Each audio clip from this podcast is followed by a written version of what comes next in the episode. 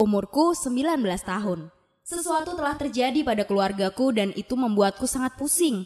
Saudara kembarku, ibuku, dan bahkan anakku hamil di saat yang bersamaan dengan laki-laki yang sama. Profesor di kampusku. Mau tahu kenapa ini bisa terjadi? Dengarkanlah ini dengan cerita paling aneh seumur hidupku. Aku memiliki saudara kembar, namanya Sally.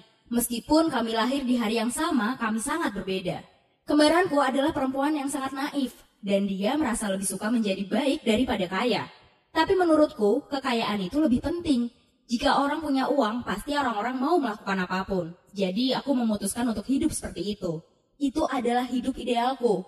Di keluargaku, semua perempuannya sangat hebat, tapi keluarga kami sangat miskin. Ibu membesarkan kami sendirian sejak lahir karena dia selalu memiliki masalah dengan laki-laki.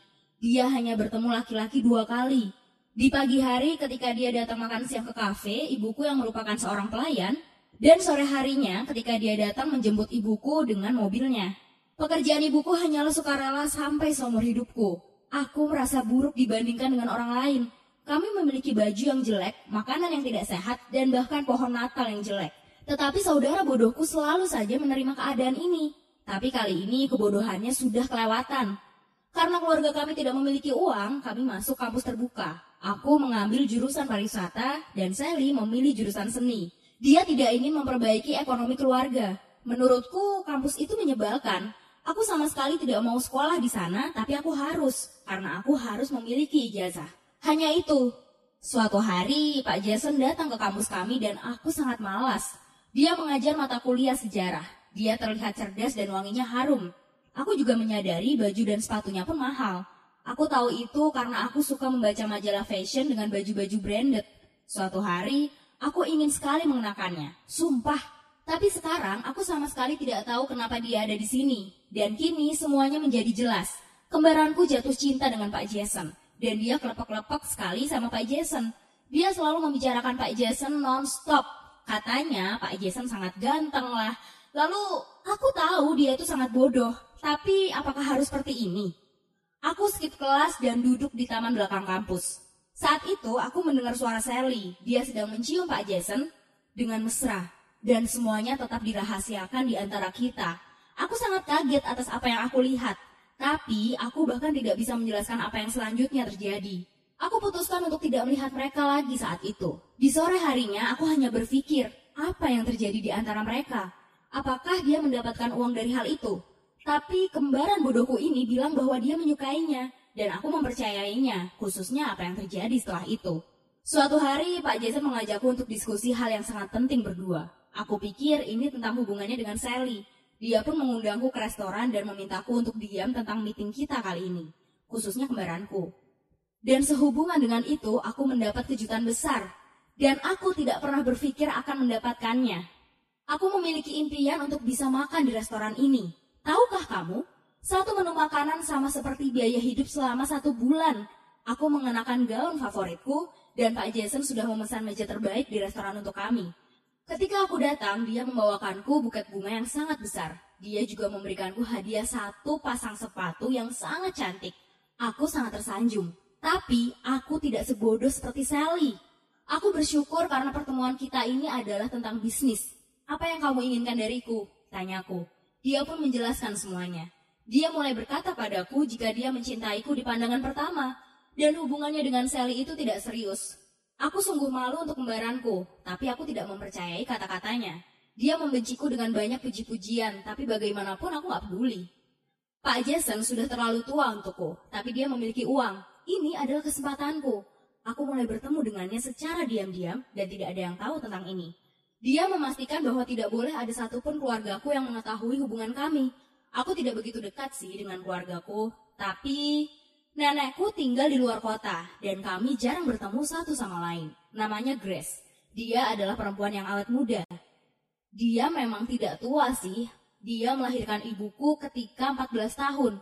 Walaupun demikian, dia adalah orang yang sangat pragmatis. Aku merasa aku ini mirip dengan anakku dan kembaranku mirip ibuku. Tapi sekarang semua terkuak bahwa semua anggota keluargaku itu bodoh. Aku melanjutkan bertemu dengan profesor. Tapi dia pun juga tetap bertemu dengan Sally. Ketika kami sedang ngobrol, dia bilang dia menyukai kami berdua, tapi dia bilang akulah yang paling pintar. Sehingga dia membuat kesepakatan denganku. Dia bilang dia selalu menginginkan bayi yang cantik dan pintar, tapi tidak mau menikah. Maka dari itu, dia mengajar di kampusku untuk mencari ibu pengganti. Dan ketika dia menyukai aku dan kembaranku, dia memutuskan untuk memilihku. Profesor akan membayar sebesar 100 ribu dolar untuk bayinya, dan dia akan mencukupi semua kebutuhanku selama hamil dan juga membelikanku hadiah. Tapi ada syaratnya. Aku harus menyembunyikan semuanya dari keluargaku, mengenai ayahnya, menandatangani surat kontrak, dan lain-lain. Aku pun mau menandatanganinya, tapi kesepakatannya pun menjadi berbeda. 100 ribu dolar adalah kesempatanku untuk bisa membangun hidup baru dan keluar dari kemiskinan. Jadi aku hanya perlu melahirkan bayi ini dan memberikannya pada dia. Dan aku bisa menjalani hidupku dengan layak. Dalam waktu 10 sampai 15 tahun, aku bisa memiliki keluargaku sendiri. Meskipun aku tidak biasanya memiliki keluarga seperti ini. Profesor dan aku mulai sering bertemu satu sama lain. Dan tidak lama setelah itu aku hamil. Aku sama sekali tidak pernah menyangka di hari itu apa yang telah terjadi. Aku hanya memiliki satu kamar mandi yang digunakan bersama. Akhirnya, aku terlambat haid. Aku sangat bahagia karena aku mendapatkan 100 ribu dolarku. Jadi aku pun melakukan tes kehamilan dan hasilnya positif. Tapi semuanya pun menjadi keluar dari rencanaku. Saat aku mau sarapan dan Sally duduk di sofa sambil menangis. Ternyata dia pun juga hamil. Aku mulai yakinkan dia dan dia mulai mengatakan segalanya. Pak Jason, sang profesor adalah ayahnya. Sekarang Pak Jason ketahuan telah berbohong. Akan tetapi keadaan ini tidak sesederhana itu. Apakah aku hamil karena iming-iming uang?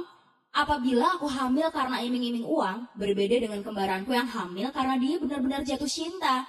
Aku tidak bisa menghancurkan hatinya dengan apa yang telah aku ketahui, dan semuanya menjadi semakin buruk. Ibuku jarang di rumah karena dia pekerja serabutan, tapi tiba-tiba ibuku berdiam di rumah. Kulkas kami biasanya selalu kosong, tapi sekarang penuh dengan bahan makanan. Ibuku juga berbelanja membeli pakaian. Aku mulai mengira ada yang salah, tapi ibu tidak menjelaskan apa pun. Akhirnya kami pun kembali menjalani kehidupan normal kami. Hingga tiba saatnya aku menerima undangan misterius. Isi undangan itu hanyalah waktu dan tempat. Sama sekali tidak ada kalimat lain. Itu adalah sebuah alamat rumah yang sangat megah.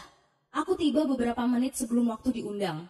Sebelum acara dimulai, aku mulai untuk masuk halaman karena melihatnya terbuka. Aku pun terkejut karena nenek sedang duduk di taman dan profesor berdiri di sampingnya. Dia mengatakan sesuatu padanya. Bagaimana mereka bisa saling mengenal? Dan tiba-tiba ibuku datang, disusul dengan Sally. Dan kami semua sama-sama tidak tahu akan berkumpul di sini. Kami benar-benar tidak tahu bagaimana harus mencari penjelasan dari semua ini. Apa yang akan dilakukan pada kami semua? Pak Jason menjelaskan tidak hanya dia yang terlibat. Dia adalah suruhan orang lain. Ternyata ada seseorang yang ingin bertemu dengan salah satu dari kami. Aku pun berpikir, siapakah dia? Dan itu adalah nenekku. Dia pun keluar di depan rumah besar itu. Nenekku pun berteriak, Steve, aku melihat laki-laki itu untuk pertama kalinya. Steve pun menjelaskan kenapa dia mengundang kami berempat. Ternyata, Steve adalah pemilik rumah besar itu. Dan dia telah mencari keberadaan nenekku sejak lama. Dia mencintai nenekku selama hampir 40 tahun. Tapi nenek sama sekali tidak mengetahuinya. Ketika berusia 14 tahun, nenekku hamil dengan teman Steve yang sangat dicintainya. Mereka sangat senang ketika bersama. Steve tidak mengetahui jika mereka putus lima tahun kemudian. Dia tidak memiliki kesempatan dan sangat menderita untuk mencari sosok perempuan yang mirip dengan nenekku. Steve selalu menginginkan anak dari cinta pertamanya. Semuanya berubah enam bulan lalu ketika ia bertemu dengan teman lamanya, kakekku. Dia berkata bahwa dia telah lama berpisah dari nenek. Steve adalah pembisnis kaya raya yang kesepian. Dia tidak memiliki anak dan istrinya sudah lama meninggal. Ternyata dia tetap menyimpan cintanya untuk nenekku. Atas dasar cinta dan keinginan untuk bertemu, dia membayar investigator private untuk mencari semua informasi tentang kehidupan nenekku, mempelajari kehidupannya dan keluargaku. Dia tidak melakukannya sendiri, tapi dia mencari informasi untuk mempelajari kami dari orang lain. Rencananya memang berhasil, tapi ini sungguh aneh. Dia menginginkan anak dengan DNA nenekku. Dia menginginkan anak sepertinya. Steve membayar Pak Jason untuk merayu semua orang di keluargaku dan dia memberikan 2 juta dolar untuk satu anak. Orang ini benar-benar gila. Pak Jason benar-benar menginginkan uang itu. Dia pun menghamili kami semua. Aku, kembaranku, ibuku, bahkan nenekku. Meski demikian, nenekku itu terlihat sangat muda dan dia masih bisa hamil. Masing-masing dari kami akan mendapatkan 100 ribu dolar, kecuali Sally. Karena dia benar-benar dimabuk cinta. Dan yang paling mengejutkan, rencana dia benar-benar berhasil.